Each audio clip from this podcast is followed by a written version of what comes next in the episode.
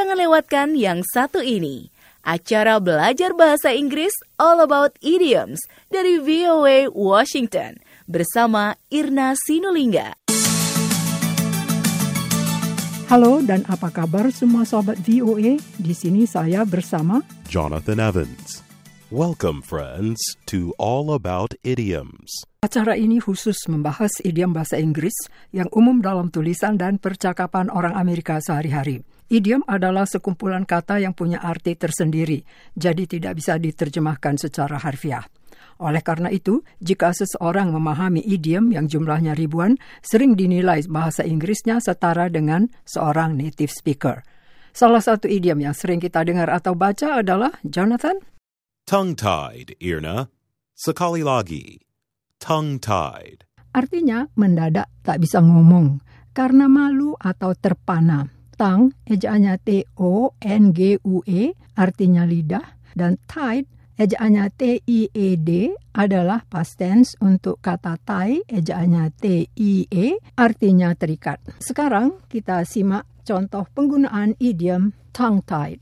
My friend's sister is so beautiful that I was tongue-tied when I was introduced to her. I couldn't say a single word. She must think I'm really stupid.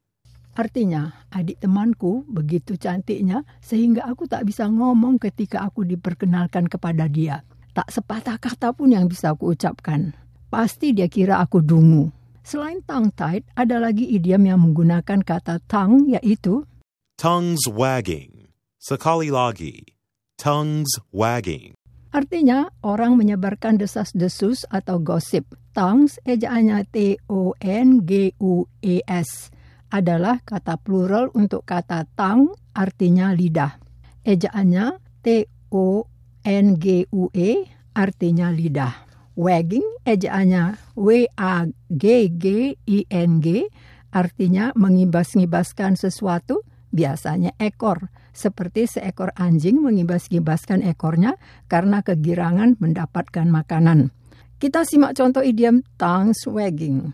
Mrs. Brown certainly had tongues wagging around the neighborhood when she started going out with another man just three months after her husband died. Artinya, Nyonya Brown membuat orang sekampung heboh bergosip ketika ia bepergian dengan lelaki lain hanya tiga bulan setelah suaminya meninggal. Kita tadi telah membahas idiom Tongue-tied. Dan tongues wagging. Hanya sekian untuk hari ini.